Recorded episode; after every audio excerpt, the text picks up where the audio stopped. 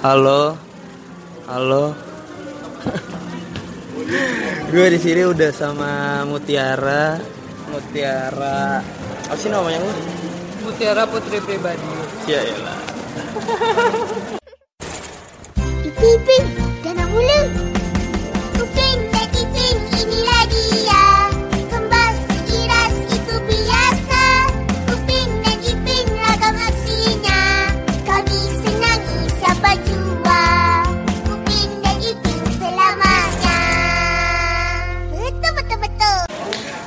Mutiara, gue gue baru pertama kali nih nge apa ya ngisi podcast bareng yang baru kenal biasanya teman-teman gue doang. Jadi gue kenal sama si Muti ini tuh waktu di Asian Games. Iya, di depan GBK. Lo ngasih koran yang tentang gue itu. Jadi gue wawancara si Muti ini tentang volunteer di Asian Games gitulah. Jadi gue dari apa dapat tugas dari kantor tentang volunteer segala macam ya gue wawancara dia. Soalnya dia jadi PA tugasnya. Iya, gue jadi PA. PA itu kayak gimana? Protokol asisten. Ya kayak gimana sih tuh? Jadi dia semacam jadi nggak apa sih semacam jadi asisten buat orang-orang VIP gitu. Kayak ya lu tau lah kalau misalnya orang-orang penting, misalnya Jokowi dia punya asisten protokoler dia sendiri. Nah, Tapi lu kita- khusus di event itu kan? Iya, khusus di Asian Games doang. Dan gue menjabat sebagai volunteer, bukan kerja sebagai PA, tapi Iya. gue volunteer sebagai PA. Gitu Nah. doang. Jadi lu ketemu eh satu doang berarti lu ya? Ketemunya satu satu orang penting doang kan? Tun Im- Imran doang. Oh, kan? Tuan Imran ya. Sebenarnya gue waktu itu diasis ke tamu lain. Cuman tetap di rolling gitu loh. Rollingannya tuh banyak karena ada beberapa orang yang belum dapat job sama sekali, belum dapat tamu yang diasis. Jadi gue yang kayak oh ya udah kalau gue ber- harus berhenti sekarang ya udah. Yang penting gue ada experience kan. Kalau mau kalau tamu gue dikasih ke orang lain yang lebih membutuhkan daripada gue ya udah. Gue nothing tulus aja. Misalkan dioper ke yang lain lu gimana? Lu sama yang lain ya lagi gue nunggu ya gue sama yang Oh. lain juga jadi saling ngoper-ngoper-ngoper gitu dan itu bukan tugas gue gue nggak tahu gimana sistemnya Dan akhirnya enggak. Dan akhirnya enggak Itu sampai akhir jadi asisten gitu Iya, yang Malaysia iya, itu. iya, iya. Kebenaran juga lu kuliah di Malaysia Malaysia. itu kebetulan yang luar biasa banget sih bagi gue emang udah jalan Tuhan kali ya As. Kenapa milih kuliah di Malaysia? Jadi awalnya waktu gue SMA kelas 3 Lu sama mana sih? Al Azhar Pejaten tau? Oh iya. tahu Tahu. Jadi waktu gue SMA itu gue udah punya satu gue kayak punya satu geng gitu. Gue, um, Daryl, Windra, Rani, Kana itu Hmm. lima itu kayak sahabat terdekat gue deh. Dan kita berlima itu pikirannya kayak open minded gitu loh. Hmm. Ngapain gue harus capek-capek ngejar UI yang yang menurut saya yang udah jelas gue nggak bisa nyampe situ. Yang Hmm. maksudnya kayak kuliah di luar negeri itu lebih banyak optionnya gitu. Kenapa lo harus ngincer satu yang bener-bener satu dan lo harus dapet? Kalau nggak dapet lo galau lo nangis lo sedih. Itu bukan gue. Enggak pertamanya lu i pengennya. enggak pertamanya enggak karena lima itu open minded teman-teman gue yang kayak ah ngapain sih gue kuliah di Indo? Orang di luar negeri masih banyak Oh. gitu. Dan gue jadi keikut kan apa pemikiran gue Tapi kenapa nggak lu balikin? Kenapa harus keluar negeri kan di Indo masih banyak? di Indo emang bagus tapi gue ngerasa kurang Oh, oh iya masalah pokoknya Karena- intinya masalah tingkatan ya.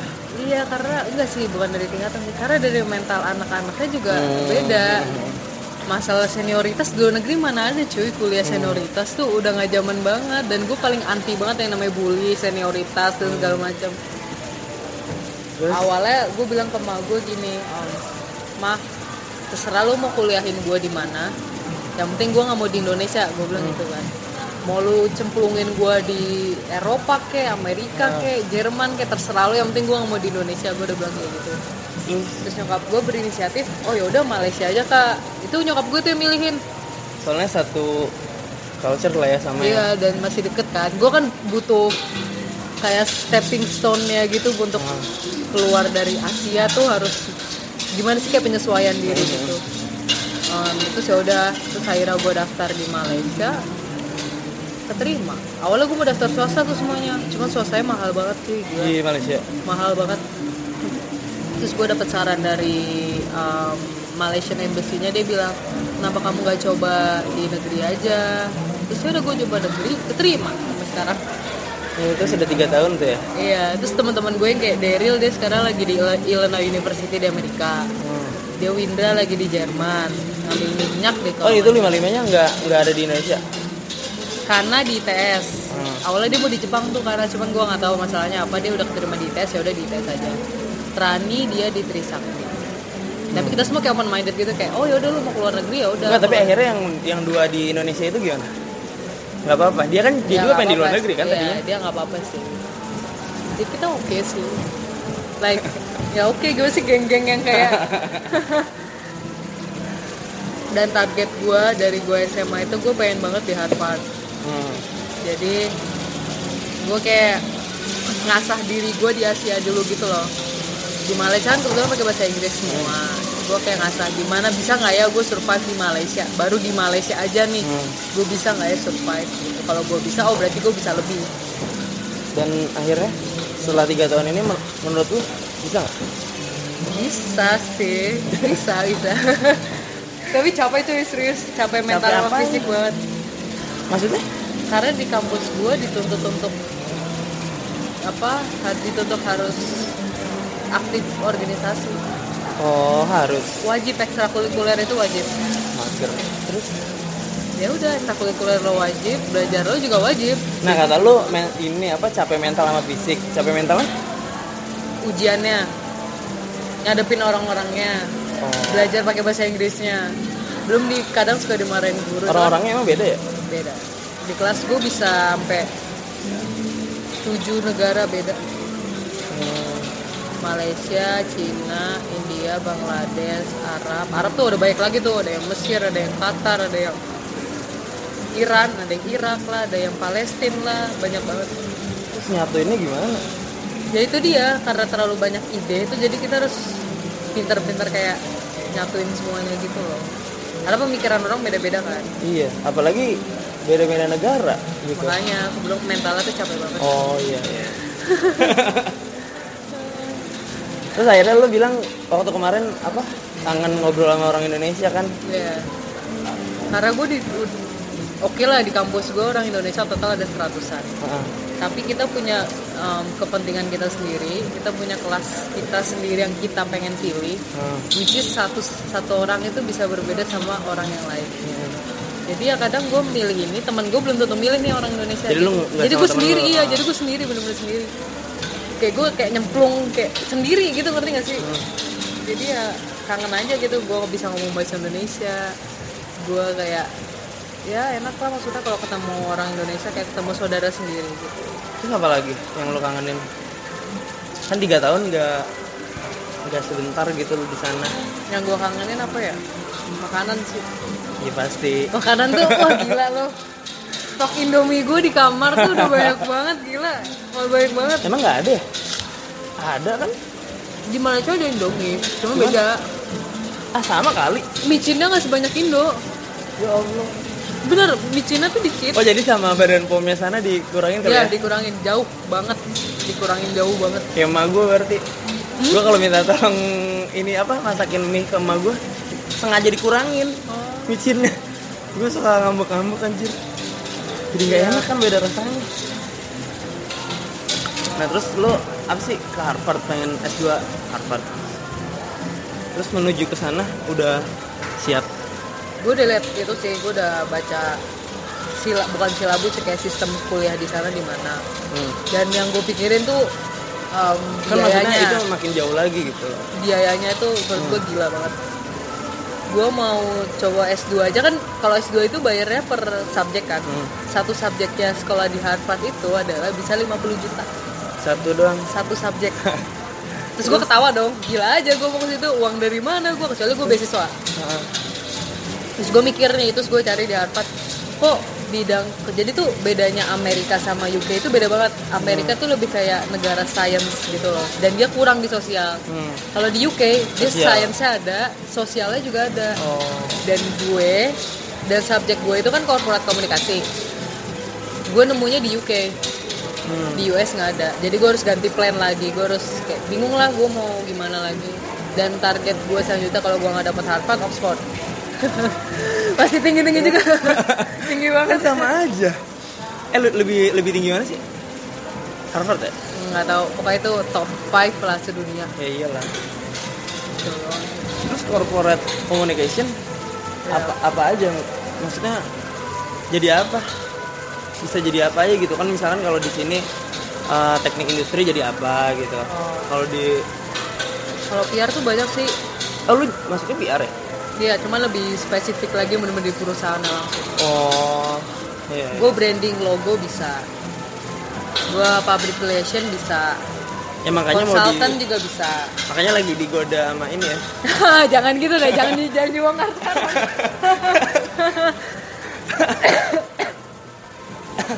ya lagi di lobby sedikit lah sama perusahaan yang itu. Sama yang ya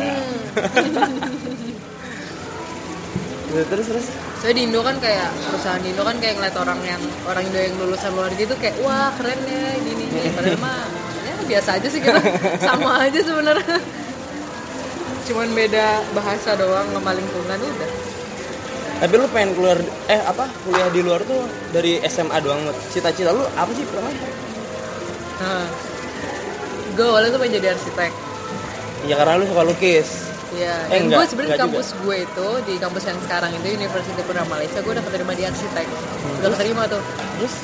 Terus gue telat registrasi, ya elah. dipindahin tahun depan, terus? Dipindahin tahun depan. Terus gue mikir kan, satu tahun gue nunggu arsitek doang, worth it nggak ya? worth it sih.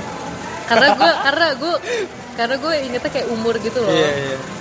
Dan gue nggak pikir panjang di situ salahnya gue terus akhirnya ternyata komunikasi tuh buka dua kali intake gitu dalam satu tahun Februari sama September. Masuk nah gue pindah jurusan komunikasi. Gue lemes banget tuh cuy. Gue bener-bener ngerelain arsitek gue yang kayak anjir gue nge- nge- ngerelain semuanya. Cuman apa ya waktu gue masuk di komunikasi itu ngerubah hidup gue banget. Tapi berarti nggak nyesel? Enggak, karena banyak banget hal yang gue apa ya gue ngerasa gue nggak bisa ternyata gue bisa di komunikasi. Karena digali terus tuh gue digali di komunikasi ketemu orang yang komunikasi ketemu channel inilah link inilah link itulah jadi jadi enak gitu. Sekarang kayak wow ternyata gue bisa loh. Gitu. tapi skill arsitek lu? Arsitek gue mah standar standar aja. Ya, ada kalau- sih dikit dikit kalau kuliah di arsitek kayaknya kalau di kuliah di arsitek gue gak akan bisa modeling gue gak akan bisa pergi ke gym tiap malam. Kenapa? Di arsitek Sibuk banget ya? sibuk banget. Teman gue arsitek kayaknya Li, udah kita udah cuti nih udah libur panjang. Hmm. dia dong yang masih di arsitek masih kuliah. Terus gue yang kayak wah lu gila. Oh berarti lu malah bersyukur dong? Iya makanya mungkin itu kayak ya jalan Tuhan gak ada yang tahu kan. Jadi ya udah jalanin aja gue mah. Tapi kalau suatu saat lu diajakin gitu sama temen lu kayak sama siapa kayak jadi arsitek mau mau apa tetap lu fokus di korporat eh kok iya kan corporate communication itu? Gue mau aja belajar yang lain. Gue gak menutup diri gue untuk cuma belajar komunikasi nggak gue malah pengen banget belajar yang lain gitu kayak kayak pengen pengen dalemin semuanya sih kalau gue bisa. Cuma sayangnya gue nggak bisa. Karena nggak nggak bakal pegang semuanya. Iya lah. Makanya kalau misalnya ada yang ngajak gue kayak arsitek, yaudah gue mau karena gue orangnya suka belajar gitu kayak kepo gue orang kepoan banget. Modal gue cuma dua, nekat sama kepo udah. kalau lu mau tanya ya, kalau lu mau tahu, modal gue cuma itu doang, nekat sama kepo udah. Selesai. emang apa yang lu penasaran penasaran maksudnya Pengen- Penasaran iya, apa nih?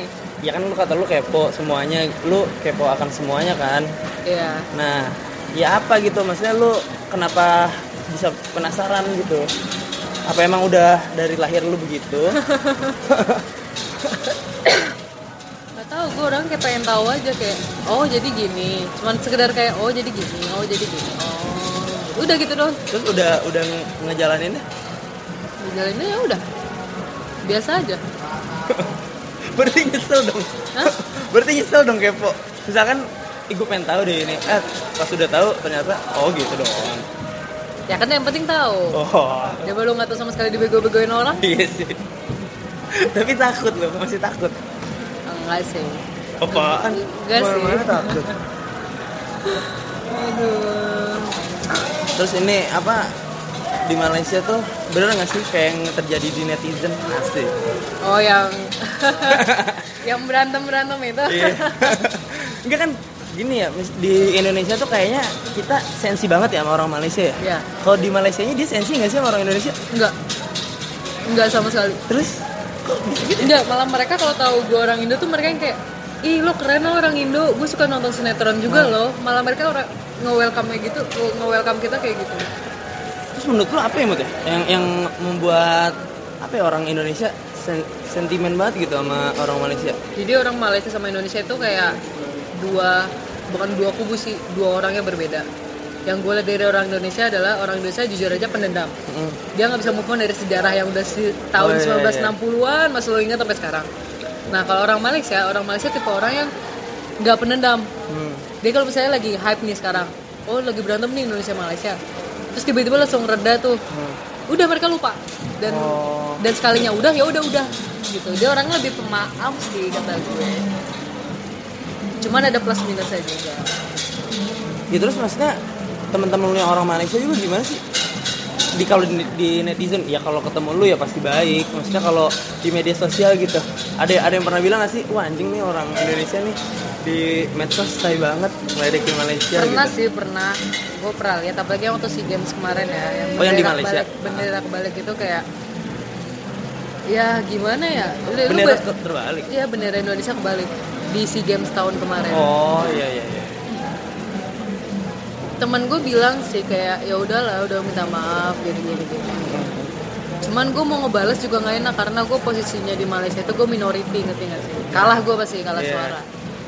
Jadi gue yang kayak ya udahlah terserah lo yang penting lo nggak mengganggu hidup gue ya udah gue biarin aja. Nah, rasanya jadi minoritas gimana? nggak enak. Tapi kan tapi kan lu harus jadi minoritas kalau mau kuliah di luar emang negeri kan? pasti tapi emang ada kurangnya pasti banyak Hmm. kayak misalnya dari support dari kampus untuk pengeluaran dana event juga kayak kampus masih mikir-mikir gitu loh kayak oh buat orang Indonesia kayak bakal nge-impact apa sih ke kampus kita kayak susah deh nyari dananya Eh berarti itu juga sentimen dong dia.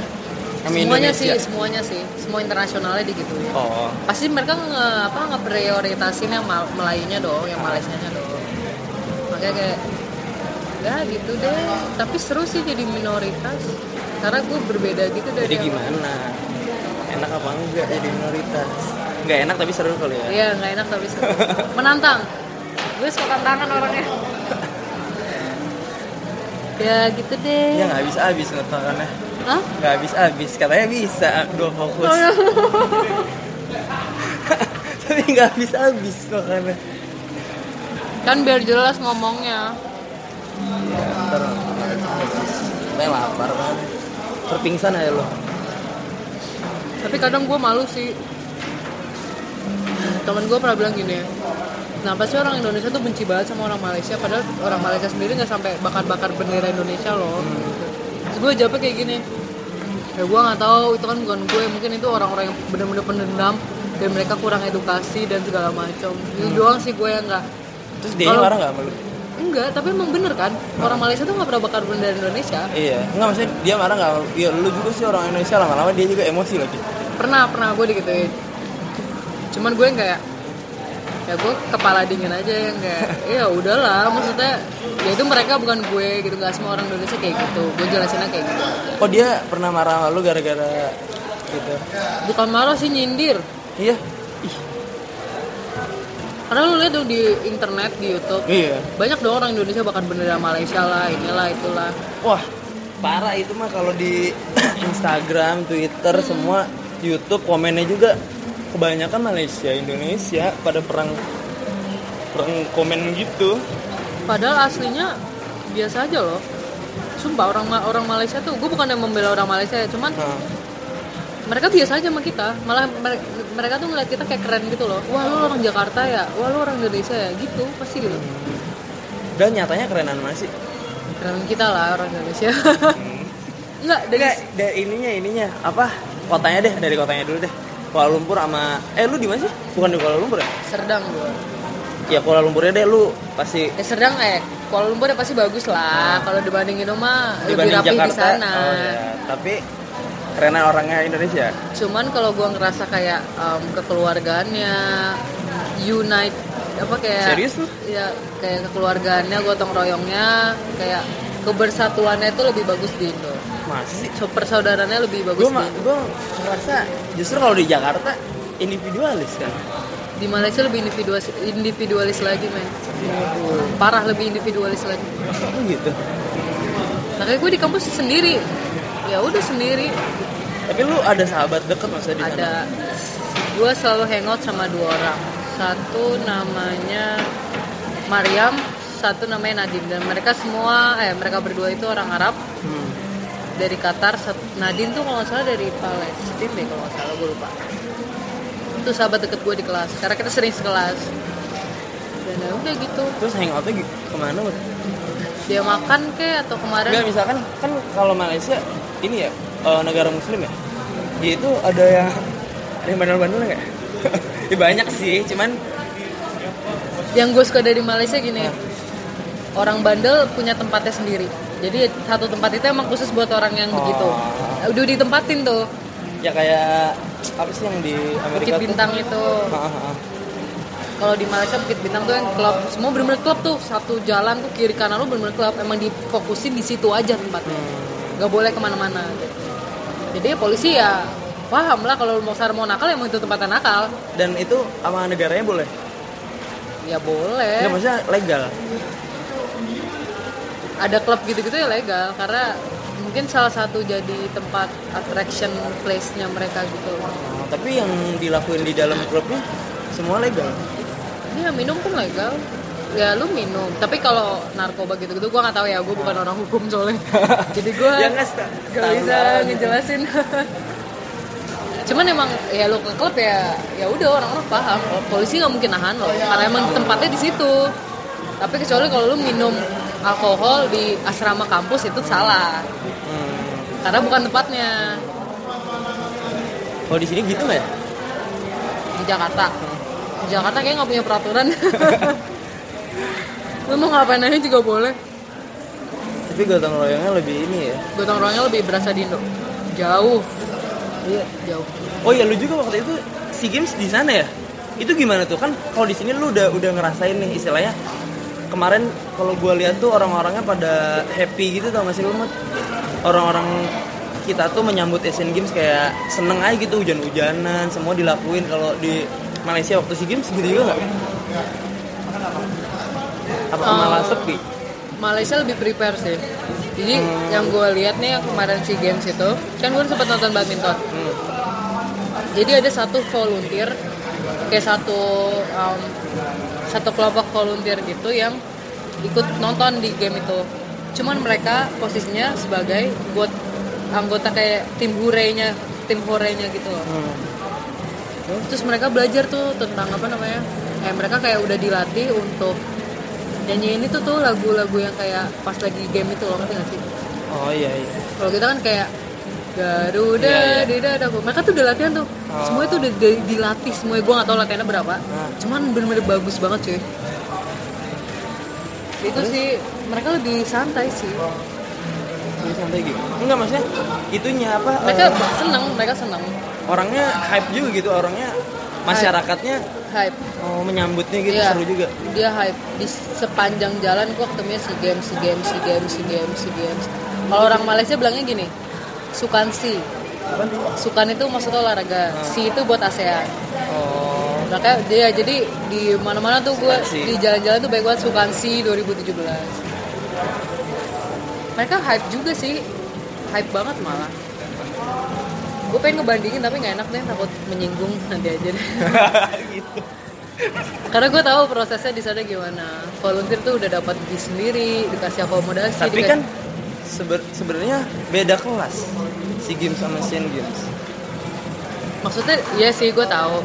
Tapi kalau lo lihat si gamesnya aja seperti itu gimana Asian Games yang oh. Volunteer di sana tuh yang gue tahu dia dapat bis loh. Dapat bis bener-bener bis ke mana pun dianterin. Kita dapat bis terus di sini nggak ada ya? Itu enggak kita nggak ada akomodasi. Di sana dapat bis terus kalau nggak salah di cover ya buat penginapan. Terus ya dikasih semuanya gitu cuman ada plus minusnya sih kayak itu plus minus lah Hmm. tapi mereka hype kayak kita kayak Sukansi dan bla bla bla bla bla dan kebetulan teman gue atlet atlet Malay juga jadi gue keikutan hype gitu juga Nah terus lu banyak temenan sama atlet bulu tangkis ya? iya kalau tahu sih Lu dari mana? Dari SEA Games itu? aduh sorry ya bam kalau gue bongkar di sini ntar kalau ntar kalau dia denger bisa ketawa-tawa tuh bongkar aja deh ya gue ketemu atlet badminton Indonesia waktu gue di SEA Games Oh si Berry ya? Berry siapa lagi? dibongkar Gloria ya? Iya, Berry, Gloria, Edi, um, Oh ya di Sepak Tiara. ya, terus Kavita Marisa juga. Ya, oh, lu jadi jadi PA juga apa gimana? Enggak, gue posisi enggak ceritanya lucu nih. Nah, Gue waktu itu sama teman gue nonton badminton, jadi penonton nih gue. Udah kan gue udah nonton. Waktu itu si uh, ganda putra menang tuh Fajar Alfian sama satu Rian. ah sama Rian. Itu dia mereka mereka menang. Udah selesai nonton nih. Gue keluar dong sama teman-teman gue atletnya pada keluar juga. Terus kita foto-foto. Ya udah. Terus gue jalan ke tempat grab kan hmm, dan gue nggak nyadar di sebelah kiri gue tuh ada si Edi sama yang lain yang belum belum main tuh. Hmm. yang belum main di day one gue nonton. Mereka ngumpul di situ tuh. Terus kata temen gue gini eh mut mut mut lihat deh sebelah lo ada belakang kita ada atlet lo. Gue pengen foto deh sama dia. Bilang gitu. Terus gue giniin kan ya dulu kalau mau foto foto aja kali saya hai gue gituin. Temen gue malu. Terus ya udah gue terus kebetulan di samping kanan gue tuh ada si Edi. Hmm.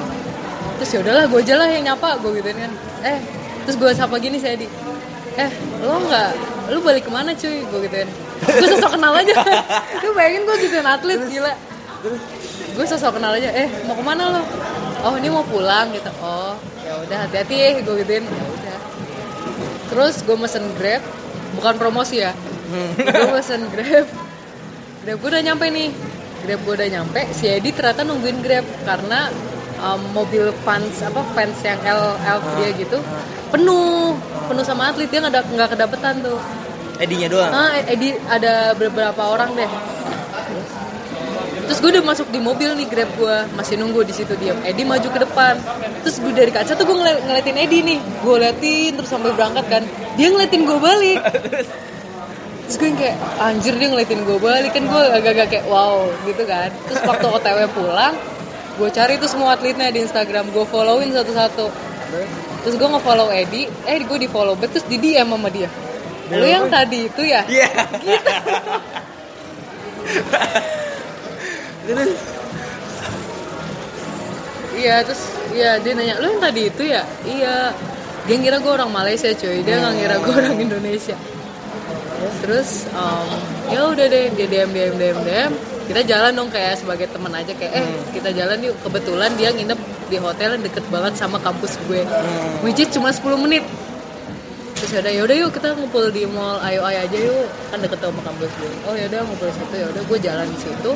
Akhirnya di situ gue dikenalin tuh sama Edi sama si Edi itu gue dikenalin ke Berry Berry Anggriawan sama Vita Marisa sama Kak GG terus satu lagi sama satu lagi cewek gue lupa namanya siapa tapi cuman dia pemain badminton juga Debbie. enggak bukan yang kecil ceweknya gue lupa gue namanya siapa Iya, Debbie kayaknya. Debbie ya Debbie Susanto. Nggak tahu. Chinese gitu. enggak bukan Cina bukan Cina Siapa ya?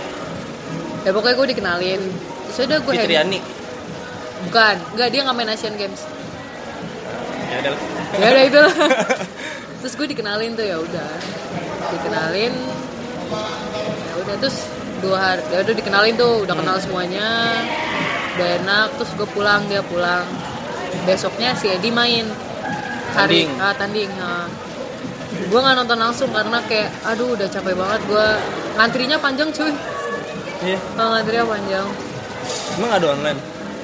kan gue nggak ada itu kredit Oh, iya, iya. gue nggak ada debit terus ah, terus dia main tuh ternyata si Edi cedera Oh iya di situ cedera dia ya. cedera Iya, terus yang dia minta ah, ngeri banget tuh. ah, terus dia minta tolong gue kan. Mut lu bisa nggak bantuin gue? Terus gue bilang bantuin apa di? Gue bilang bantuin gue packing lah gue kasihan. Kan dia sekamar sama Berry makanya gue kenal sama Berry di situ. Dia sekamar sama Berry dia mau minta tolong Berry nggak enak karena Berry ntar lagi mau tanding juga. Ah, terus dia bilang oh yaudahlah gue samperin aja. Gue samperin gue bantuin packing gue turunin tuh orang gue pasangin gipsnya kaki di Ah. kakinya gue dorongin pakai kursi roda. Terus udah gue anterin ke bandara sama Santi sama Cisusi terus ya udah semenjak itu kayak ya kita ya gue berhubungan baik gitu loh. Kayak gue ngebantu dia terus dia ngebantu gue. Saling bantu aja sih kalau gue prinsip gue apalagi dia orang Indonesia. Atlet lagi. Maksudnya perlu dia perlu diapresiasi juga sih. Iya si, si games dia cedera. Ngeri juga itu jatuhnya dia. Iya. Bener-bener parah banget waktu itu. Eh tapi sekarang dia masih main ya? udah dia udah bisa ya? jalan udah bisa naik motor. Tapi main belum? Main kalau nggak salah udah deh. Tapi Ah. masih di Sirnas gitu kalau nggak salah. Di nasional.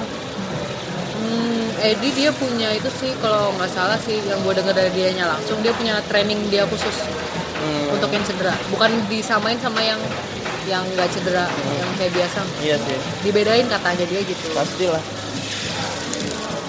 si Bella Fix juga kan sampai pensiun. Iya. ngeri itu cederanya terus sampai sekarang nih karena kita, karena gue dulu pernah ngebantu dia sampai sekarang kita masih hubungan kontak nih. Gue uh, Edi Berry sama satu lagi ada namanya Gion Gion itu kayak oh iya tahu ini Gion ya Amiga. terapisnya. Ah terapisnya. Itu kita berempat tau nggak apa? In group. Bikin grup itu tim Mabar Ros. Tiap malam tuh Edi nelpon gue gini Mut kuy on kuy on. Gitu gitu loh tiap malam gila. Terus gue kayak anjir lo jadi tim Mabar gini. Seru banget ya. Terus oh si itu juga main ya? Si siapa? Yang terapisnya? Ya Gion Gionnya main ya Gion main. Terus kadang gue main sama Rian. Hmm, Ben Ardianto. Ah Mabar juga tuh. Tapi sama Edi sama Berry sama Rian. Kevin juga main? Kevin gue nggak Em, nggak pernah diet sih sama teman-teman gue dia main juga soalnya. Terus gue pernah sekali main sama Jojo mabar sama Jojo. Ah. Gua waktu itu tim gue siapa ya? Dua.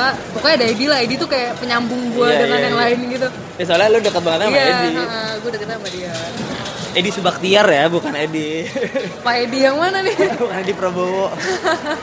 Iya Edi Subaktiar. Hai Pak, Hai Mas Bam.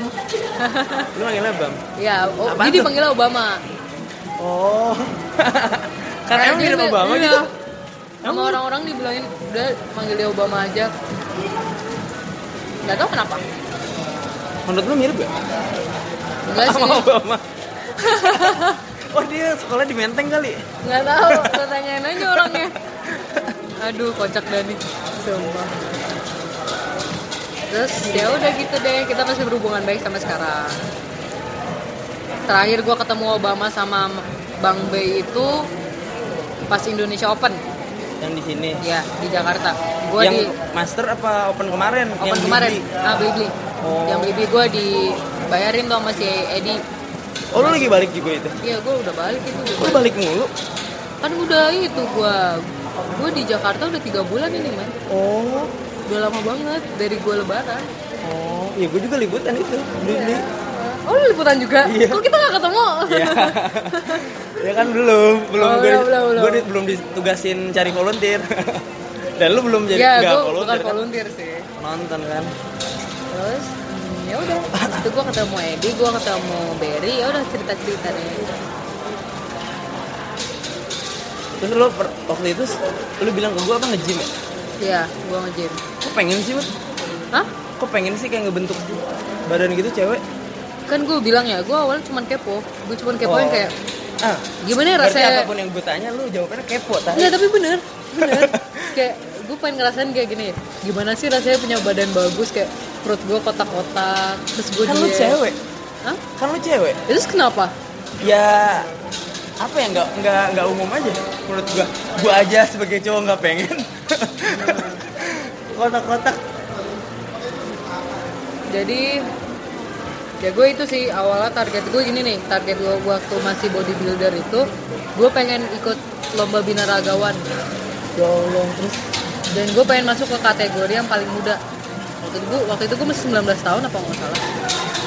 Cuman semuanya kandas karena, Karena? gue kuliah nggak ada waktu. Oh. Belum biaya biaya transportasinya mahal ke gym bolak balik biaya gymnya sendiri harus ngeluarin biaya nutrisi segala macam juga ya kan nggak mungkin dong gue nebeng temen gue terus kasihan dia yang nganterin gue tiap hari.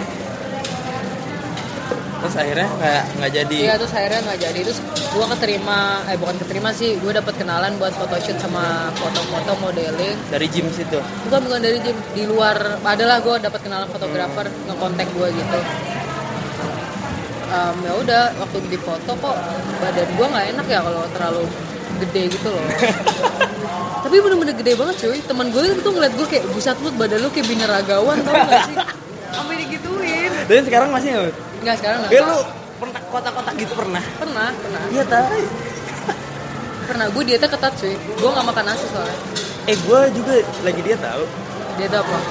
Diet makan nasi. Gue nggak makan nasi. Tapi kalau malam gue kelaparan jadi makan nasi. Jadi salah ya gue jadi makan malam kalau definisi diet gue itu bukan nggak makan sih. Gue mengganti makanan yang ada dengan lebih yang sehat. Makanan iya sama sehat. sih. Gue juga jadi nggak makan nggak makan nasi doang. Jadi diganti sama lauknya doang paling gue atau sayuran gitu. Gue biasanya nasinya gue ganti pakai oatmeal. Oatmeal Hmm. mentah tuh. Hmm, langsung gue telan. Enak juga sih. Mau nggak mau gue makan. Tapi itu karena apa pengen lu jadi winaragawan itu ya kan? gue pengen ngerasain gimana sih badannya enak gitu badan sekarang udah nggak gitu? Oh iya sekarang udah makan kambing. Cuman gue tahu maksudnya gue tahu diri gue tahu uh, badan gue tuh kayak gimana jadi gue kalau mau diet lagi gampang. Gue tahu caranya. Gue nggak bisa mut. Kenapa ya? Gue tuh dulu kurus banget. Hmm. gue dulu kurus banget dan sekali ya gue gue dulu ngerokok sekarang udah berhenti. Sekali ya berhenti ngerokok ya begini jadi lebar. Kenapa ya? Terus suka begadang nggak? Iya. Nah itu dia udah. Stres nggak? Enggak lah. Kapan gue stres? Enggak gue nggak pernah stres cuman begadang iya. Ya begadang itu musuh terbesar orang kaya serius? Oh gue kira malah capek malah jadi kurus.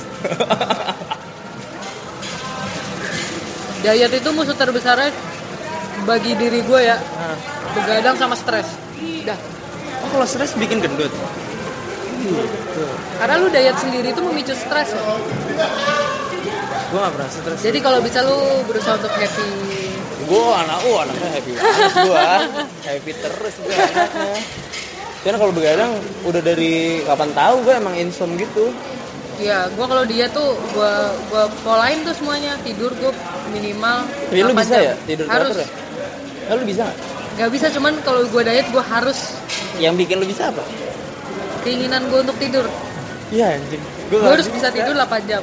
Gue gak bisa. Lu tahu panadol kan? Tahu. Ya gue minum dua kali dua itu pun gue gak iya. tidur. Ya ampun. Makanya gue bangunnya siang. Karena gue gak bisa tidur pagi. Itu doang gue bukannya bukannya males gue udah dari kapan tahu gue SMP begadang terus. Gitu. Dulu tuh gue ngitung makanan gue tau. Kayak porsi karbo gue berapa protein gue berapa lemak gue berapa. Jadi emang dietnya ketat sih kalau menurut gue ngitungnya dari mana? Ada aplikasinya. Oh. Ya? Gue Gua- pengen juga.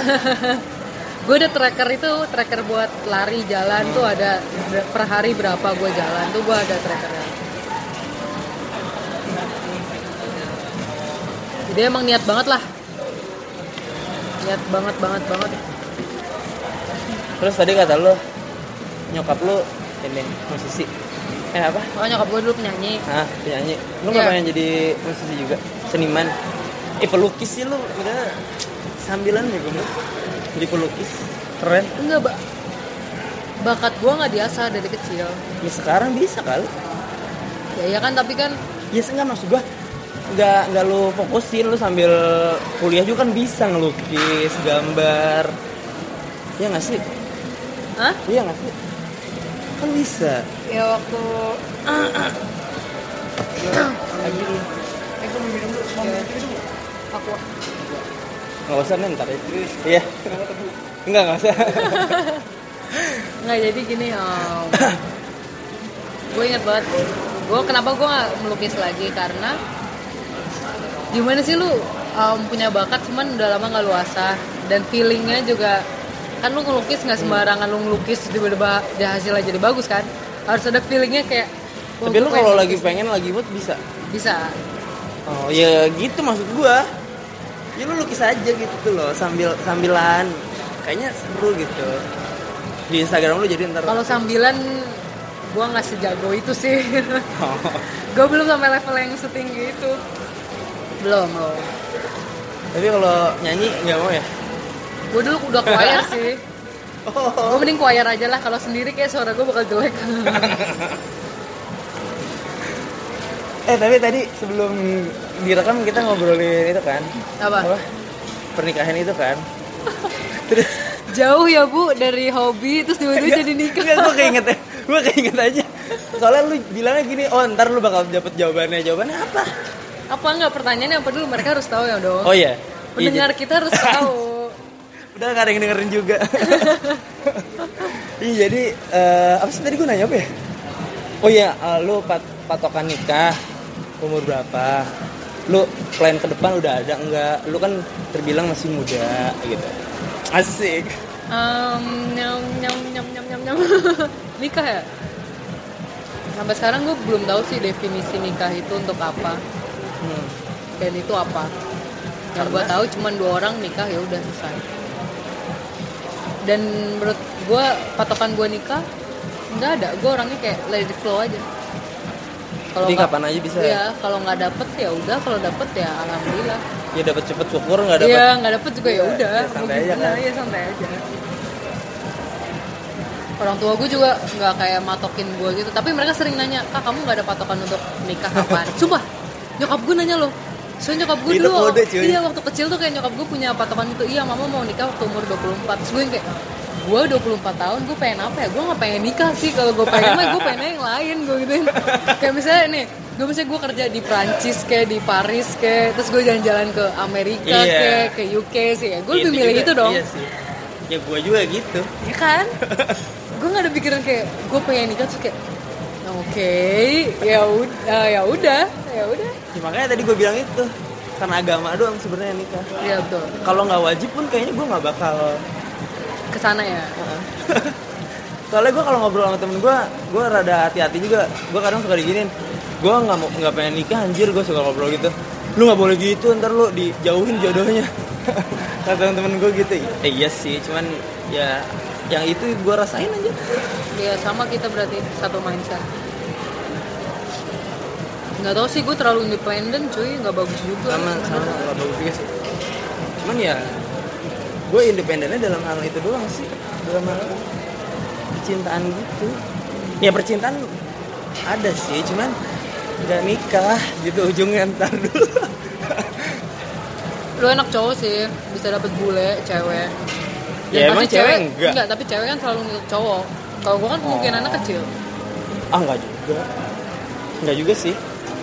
ada cuman belum pasti gitu Bule. Ah tapi gue nggak pengen bule. Bokap gue tuh Bela- Belanda. serius Kakek gue Belanda. Jadi ya orang-orang bule sukanya Asia kan. Ya gue suka makanya Enggak lah. Enggak lah gue kayak udah dididik bule. Malas aja gue ngedidik anak ntar kayak bule lagi. berarti lu bisa bahasa Belanda dong Enggak.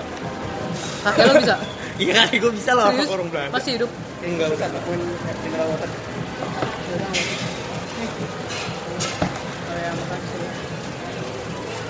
coba lu ngomong apa Lu- Nggak bisa gue. nggak bisa serius nggak diajarin sama sekali sayang banget Kayak ya paling ik ik gitu. Ya gitu. itu artinya Ik saya gitu. oh terus lu ketemu saudara lu Iya. yang di Belanda Belanda gitu Aja enggak udah udah pada nggak ada. oh udah pada meninggal maksud lo Kakek gue kan dari keluarga kakek gue kan yang di sana dan kakek gue tuh udah tua banget waktu nikah sama nenek gue bedanya 20 tahun gitu. wow jadi ya udah nggak ada umur sekarang gua kecil ya gue kecil pun udah nggak ada deh kalau nggak salah. Kakek gue nya kalau keluarga gue nya masih ada. Tapi pas gua SMP tuh udah nggak ada. Wow keren. Di Utrecht. Kota Utrecht gitu. Tapi Belanda emang keren banget sih. Iyalah apa sih yang nggak keren kalau udah menyangkut bule? Simpel aja sih jawaban gue. itu kotanya aduh Lo pernah sana? Enggak. Gue diceritain doang sih. Sama ya baca-baca aja kayaknya enak aja gitu. Kejahatan juga kecil ya kecil banget ya ampun di, di Belanda ini sipirnya aja pada nganggur hmm. terus lu balik ke Malaysia kapan Mut? tanggal 10 gue balik tapi di Instagram lu udah balik Um, oh iya ya kebuka deh Gak apa-apa, gak apa-apa. ya lu pancing kan gue mancing doang gue kira lu bakal ada isyarat dia lu ngomongin itu atau apa kayak oh tanggal 10 Ya udahlah, udah kebongkar. gue gak bisa jawab apa-apa lagi cuy. Enggak gue paling ini ya lama juga sih lu udah di Malaysia pasti ini tayangnya. Gue malas ngedit orangnya Oke. ada waktu juga Terus gimana lu? Gue pengen Apa? interview lu sekarang um, Asian Iya, Games ke mana lu boleh. udah ngeliput apa aja? Cerita dong. ngeliput semuanya eh enggak enggak semuanya gue Lu dari berarti di itu kan ya MPC ya? Media iya sih di MPC itu dalamnya ngapain aja? wah seru Cerita dong. jadi eh, kayak ketemu jurnalis-jurnalis asing juga kan kayak kemarin tuh yang opening eh closing. Gue kan di luar ya tugas gue gue nggak di dalam. Jadi gue pas hujan tuh gue balik aja ke MPC terus banyak jurnalis asing juga. Lo lo nonton nggak? Enggak, Di gue TV. nonton. Nah, Jadi- di TV gue nonton. iya lo nonton kan? Nah, di TV gue nonton. ada lagu India gitu kan? Yang Iya. si Denada sama siapa? Jadi jurnalis-jurnalis India pada pada joget bareng gitu aja seru banget kata gua. Dan layarnya juga kan gede gitu. Semua eh, buat wartawan bagus sih ininya servisnya menurut gua jadi wifi itu kenceng banget Banget. kan Banget. Heeh, kan kalau wartawan tuh yang penting internet ya sebenarnya buat ngirim foto segala macam kan yang penting internet dan itu tuh kalau di MPC-nya ya di MPC-nya wifi-nya kenceng banget terus dan kita dikasih eh, apa la- laptop bukan laptop komputer komputer gitu PC PC gitu Komputer gratis. Mm-mm.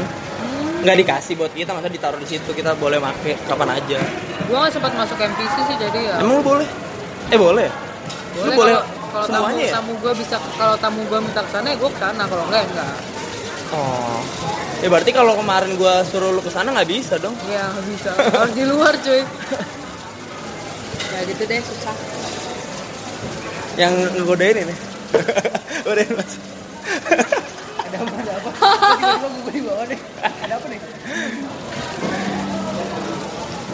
ya gue penasaran tuh gue ngeliat di Astro Arena apa TV Malay kan Oh, dia yang ngeliput jurnalis ya? MPC kan? Dalamnya keren banget cuy. Iya emang keren. para jurnalis semua. Dan mereka bener-bener sibuk ketik semua Iya. gitu. Gila. Orang itu keren sih. pas misalkan eh, dari negaranya lagi main nih. Waktu itu dari Amerika kalau nggak salah. Gue main, dia main apa gitu. Ya dia tetap aja berita nggak nggak peduli nggak peduli tontonan kan kalau gue masih nonton ya masih masih nonton gue masih penasaran. Menang nggak ya Indonesia gitu? Dia mah ya kerja. Tapi Mut, banyaknya volunteer yang nggak nggak tahu olahraga. Jadi maksudnya? jadi nggak nyambung sebenarnya. Kayak waktu itu ada translator gitu ya di pressconnya bola.